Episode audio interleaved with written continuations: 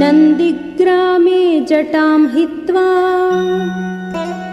भ्रातृभिः सहितो नघः रामः सीतामनुप्राप्य राज्यं पुनरवाप्तवान्।